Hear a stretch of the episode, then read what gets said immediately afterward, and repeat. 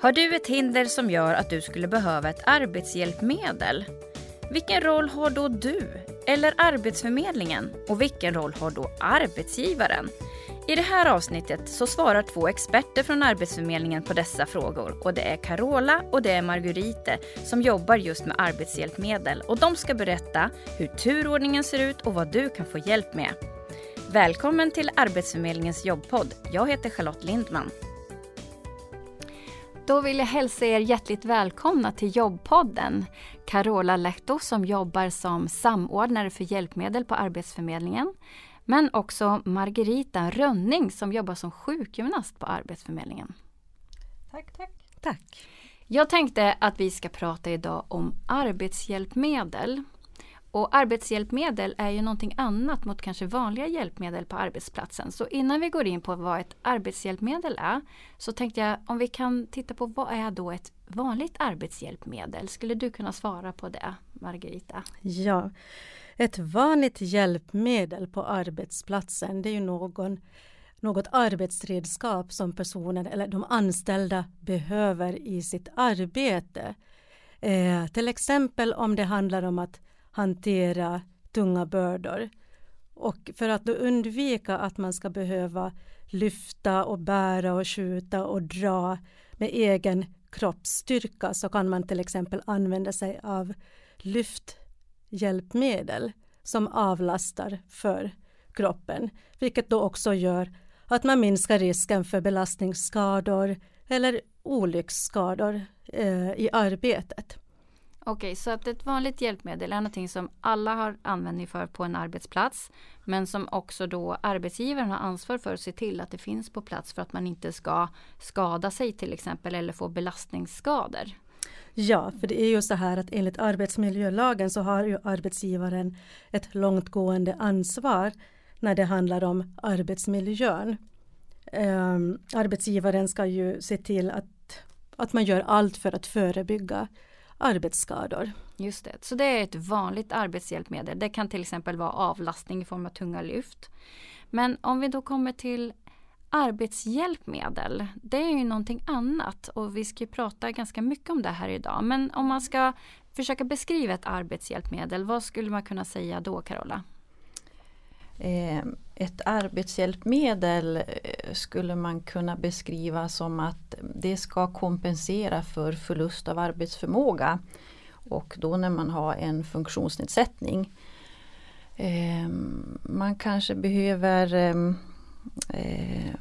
också ta reda på, det är inte alltid man vet att man behöver ett specifikt arbetshjälpmedel och då kan man ju få hjälp av Arbetsförmedlingen att till exempel ta reda på vilket hjälpmedel som skulle passa i en viss arbetssituation. Ehm, så ett arbetshjälpmedel ska kompensera för någonting i, ett, i en viss arbetsuppgift som man då kanske inte kan utföra på samma sätt som, som övriga gör på arbetsplatsen på grund av att man har någon form av svårighet Just det. Att, så att ett arbetshjälpmedel är individuellt anpassat för ja. en person som har någon form av hinder, till exempel ett funktionshinder. Kan det handla om eh, fysiska arbetshjälpmedel? Det kan handla om antingen hjälpmedel som är lite mer personbundna som man använder i vid små eh, till exempel arbetsmoment. Man kan tänka sig eh, ja, vad skulle man kunna gå in på? Till exempel för en hörselnedsättning, om man har en hörselnedsättning så kan man behöva till exempel mikrofoner när man sitter i möte för att eh, fånga upp ljudet på ett bättre sätt. Eh, det är ett, kanske ett hjälpmedel man kan ta med sig och bära med sig och ha på många olika ställen när man arbetar. Men sen kan ju ett arbetshjälpmedel också vara en fast installation eller någon, någon fysisk maskin som man behöver till exempel se över som gör att man, man har ett behov av att sitta bra till exempel i en speciell maskin man kör. Då kan arbetshjälpmedlet vara till exempel sitsen i den maskinen som man formgjuter eller anpassar utifrån den personen som ska utföra det jobbet. Det låter ju som att det kan finnas allt ifrån kanske det lilla, om vi säger lilla, då menar jag som en mikrofon som du nämnde, mm. till väldigt stora saker, att bygga om en maskin eller kanske till och med en lastbil för att det ska passa. Ja. Och det låter ju som att det här är ju inte någonting som man bara beställer eller köper eller så, utan att det är en process antar jag för att man ska kunna prova mm. ut det här. Om man nu då har en funktionsnedsättning och vet med sig att man har vissa hinder. Eh, hur ska man gå tillväga för att få den här hjälpen och den här anpassningen? För att jag ska till exempel få det här hjälpmedlet om man ska bygga om eh, vi säger en maskin. Hur mm. ska jag gå tillväga? Var ska jag börja? Mm. Ja, det första det är ju att man skriver in sig på Arbetsförmedlingen. Eh, och eh, därefter också i kontakt med arbetsförmedlare berätta om sina upplevda svårigheter eller medicinska hinder som man då tror sig kommer att kunna påverka eh, ens möjligheter i arbete. Eh, det är det första steget. Därefter då så eh, kommer vi tillsammans med eh, den anställda eller den arbetssökande som kanske är på väg ut mot ett arbete att se över eh, vad behöver personen och där har man ju också en dialog med arbetsgivaren. För det är viktigt att, att ta reda på, på vilk, vilka svårigheter har personen i förhållande till arbetets krav och då tittar man ju dels på arbetsuppgifterna i sig men även då eh, arbetsmiljön. Just det, för att det kanske inte är helt självklart att man måste ha ett arbetshjälpmedel för att man har en funktionsnedsättning. Det kanske är så att de arbetsuppgifter man ska göra inte kräver att man behöver ha en, ett arbetshjälpmedel. Kan det vara så? Det kan ju absolut vara så att det hela beror ju på att vad är det för arbete jag ska utföra, vad är det för arbetsuppgifter, hur ser arbetsmiljön ut i förhållande till mina förutsättningar. Och då är det ju, om man då, självklart så ser man ju över hela biten att det här med vi vill ju liksom att man ska liksom kunna lyfta fram sin, sin kompetens, sina resurser i förhållande då till arbetet. Och finns det vissa eh, saker där då i, i eh, arbetsmiljön eller arbetsuppgifterna som är svåra att utföra för mig för att jag har en funktionsnedsättning. Det är ju där vi går in och ser hur kan vi anpassa för att stödja dig att kunna utföra ditt arbete och vara så självständig som möjligt.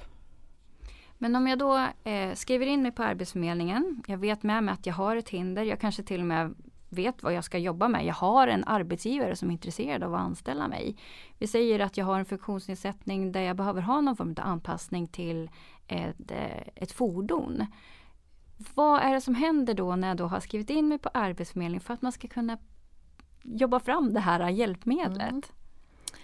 Eh, Arbetsförmedlingen eh, finns ju idag digitalt eller man kan tänka sig att man kanske ringer in eh, eller man går in på, på datorn, arbetsförmedlingen.se ehm, eh, och man beskriver sina behov. Eh, man kanske redan har en befintlig kontakt som man kan prata med. Ehm, eh, och det måste ju framgå att man eh, Eh, är på väg ut i arbete, att man är på en praktik eller i någon form av prövning eh, som är i Arbetsförmedlingens regi.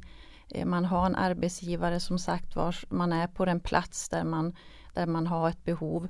Då kommer man ju kunna Dels våra professioner som jobbar på Arbetsförmedlingen, det är ju eh, specialiserade personer som jobbar som arbetsterapeuter, sjukgymnaster, audionomer, synpedagoger, dövkonsulenter. De vill ju vara med i den här anpassningssituationen och skriva och göra en form av bedömning på eh, den arbetsplatsen och utifrån det uppdrag eller det jobb man ska utföra. Bedömningen blir ju sen till en rekommendation och rekommendationen ligger ju då till grund för vad man ska kunna gå in med för stöd. Det kan vara ett strukturstöd att förändra arbetsuppgifter men det kan också vara så att man väljer att eh, gå in med bidrag till hjälpmedel för, på arbetsplatsen. Och det är ju ett bidrag som ska kompensera ekonomiskt för att man har kostnader för att köpa in arbetshjälpmedel. Och det ska vara specifikt riktat till den här personen utifrån vad de ska utföra för någonting. Så det är ju ett jättebra stöd som vi har tillgång till att bevilja då, vi som jobbar på Arbetsförmedlingen. Just det, så att eh, nu beskrev du en ganska lång process tänker jag. Mm. Att man skriver in sig och man berättar vad man har för typer av problem men också beskriver vilka arbetsuppgifter man ska utföra. Men det kan ju också då vara förknippat med att man får göra någon form av arbetsprövning. Att man får testa ut. Så att eh, om det nu är en sjukgymnast eller en arbetsterapeut som behöver besöka platsen också får tid att göra och titta och göra en bedömning. Precis. Eller om det är andra typer av problem som handlar ja. om syn och, och hörsel. Mm. Så är det andra personer som kommer ut och gör en bedömning. Och sen så kan man göra ett underlag för, för att man ska prova ut då kanske då ett, ett typ av arbetshjälpmedel.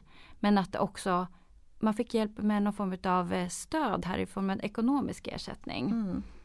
Ja, och jag vill bara komplettera lite grann här att det är också bra att känna till det här att är det så att jag eh, eh som arbetssökande upplever att jag har en funktionsnedsättning som kan komma att påverka mig i ett arbete, att man också tar med sig om man har eh, medicinska underlag som styrker det här, för det är något som Arbetsförmedlingen har liksom krav på att det ska finnas en dokumenterad eh, eh, dokumenterat liksom utifrån hälso och sjukvården att det finns eh, medicinska hinder. Precis, det, man kan inte bara komma och säga att jag har de här hindren. Nej, utan, vi utan det måste få, finnas underlag mm, mm. ifrån sjukvården. Mm. Är, mm, Mm, jag kan också tillägga att är det så att det inte finns något då kan också Arbetsförmedlingen vara behjälplig där att då gör man det tillsammans eh, när man har ett, ett eh, bokat besök. Ja, för jag tänker också att det finns ju de personer då som kanske inte har en funktionsnedsättning som man känner till från början utan det kan ju vara någonting som har hänt på vägen.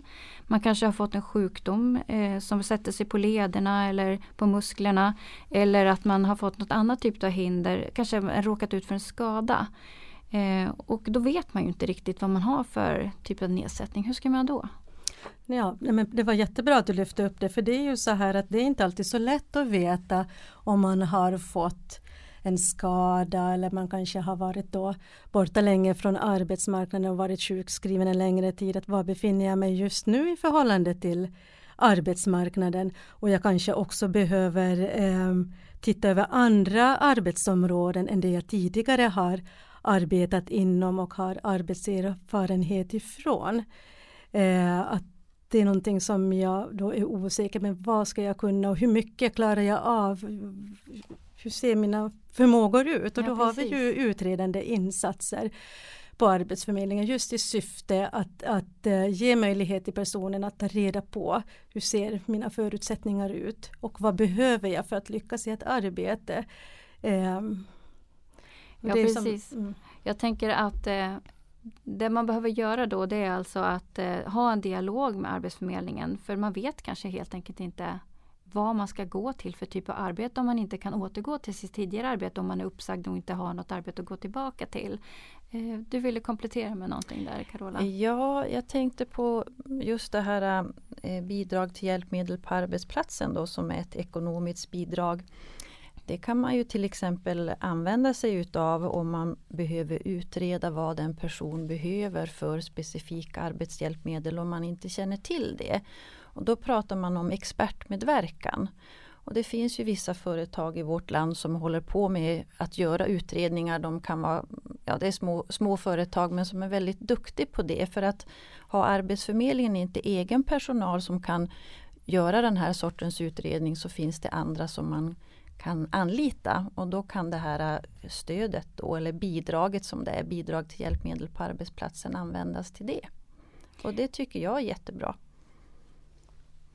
Jag tänker på också vad man själv har för ansvar att se till att eh, man kan få den här hjälpen eller om man nu får den här hjälpen, vad har man själv för ansvar att se till att det fungerar? Det är klart att eh, får jag arbetshjälpmedel som jag ska använda i min arbetssituation oavsett om det är en fast installation eller någonting som jag kan eh, flytta och bära med mig så måste jag ta hand om det. Eh, det ska ju klassas som alla andra arbetshjälpmedel eller det man använder på sin arbetsplats för att klara av sin vardag i arbetets olika situationer och moment.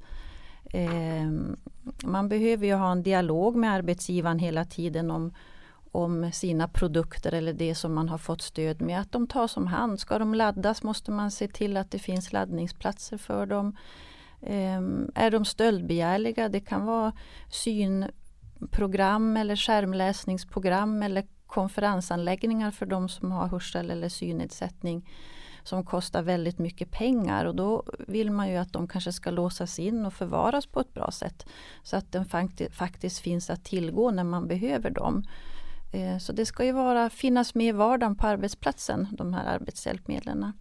Så, sen skulle det vara så att man inte kan vara kvar hos en arbetsgivare eller man själv tänker att ja, man, man vill byta arbetsplats. Har man då fått hjälpmedel beviljade så kan man ta med dem till nästa arbetsplats.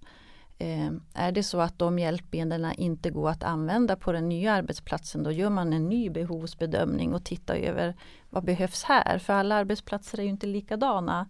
Och även om man har en funktionsnedsättning så funkar det inte likadant från, från arbetsplats till arbetsplats. Utan det är, det är väldigt olika och en individuell bedömning varje gång.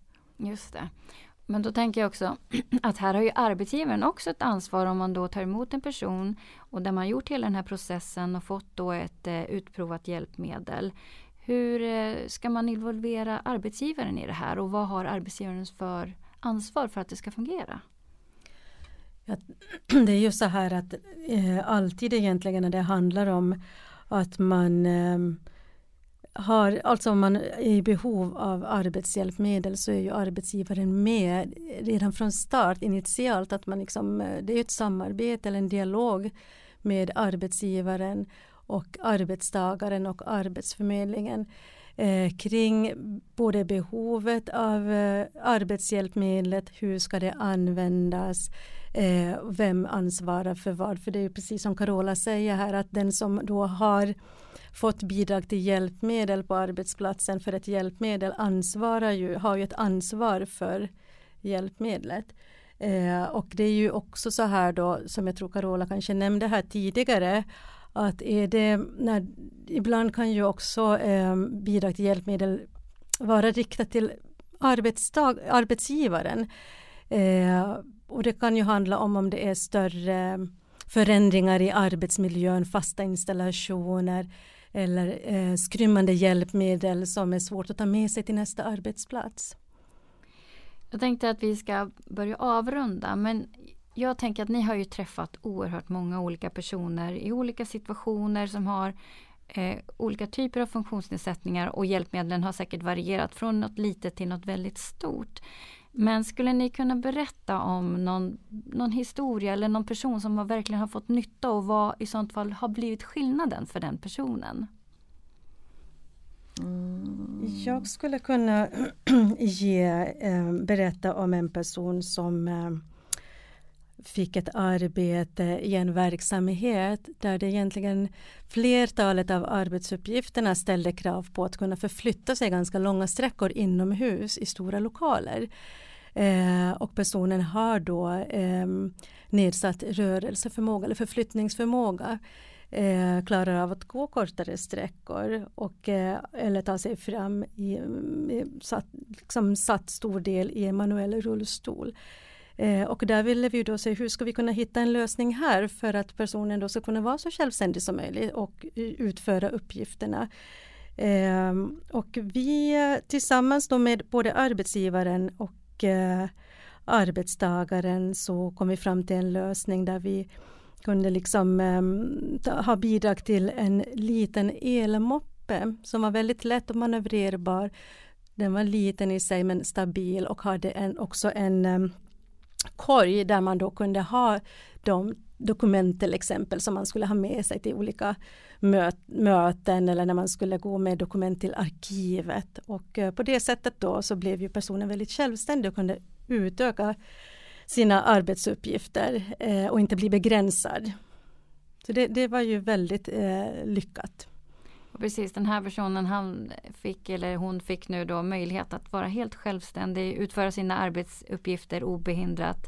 Och skillnaden skulle ha varit annars att man kanske är beroende av en person som hela tiden hjälper till om man inte hade haft den här moppen då till exempel? Ja, så är det ju. Att, att, att eh, då blir det ju en, en hel del av de arbetsuppgifter personen egentligen har liksom eh, möjligheter att utföra så tas ju bort på grund av att då men när man kan anpassa med i det här fallet då eh, en sån här hjälpmedel så öppnas ju möjligheterna faktiskt att kunna vara eh, också delaktig i olika möten på ett helt annat sätt och inte bli begränsad.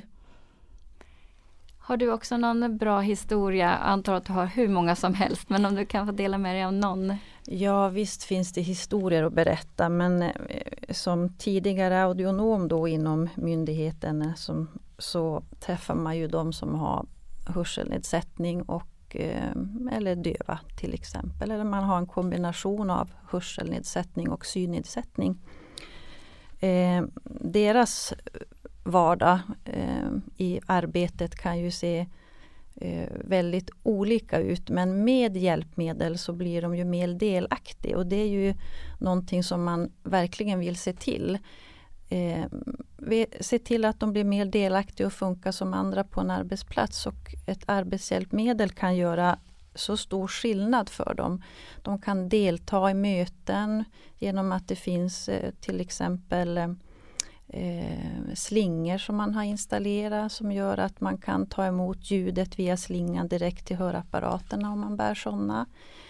Eh, man kan eh, kanske öka arbetstid om man jobbar mindre tid med ett arbetshjälpmedel för att man får mer ork. Eh, att vara hörselnedsatt innebär ju eh, att det kan vara väldigt besvärligt med mycket ljud och buller runt omkring, ta på krafterna. Man orkar inte så mycket. Och får man då hjälp med någon form av akustikanpassning till exempel för att dämpa ljud och göra ljud som man vill höra, till exempel tal, mycket tydligare och klarare. Så, så sparar man ju på energi och ork och eh, det kan göra en stor, stor nytta för den här personen att klara av arbetet och sen också vara lite pigg när man kommer hem. Det här får avsluta detta avsnitt om arbetshjälpmedel. Tack så jättemycket för att ni kom hit Carola och Margarita. Tack. Tack. Du har lyssnat på Arbetsförmedlingens jobbpodd med mig Charlotte Lindman. Dagens gäster det var Carola Letto som är samordnare för arbetshjälpmedel på Arbetsförmedlingen och Marguerite Rönning som är sjukgymnast på Arbetsförmedlingen. Tekniker det var Roger Svanell. Du får gärna skriva till oss om du har idéer på vad du tycker vi ska prata om i jobbpodden och då skriver du till podcast arbetsförmedlingen.se. Det här avsnittet det producerades i december 2019. Vi hörs!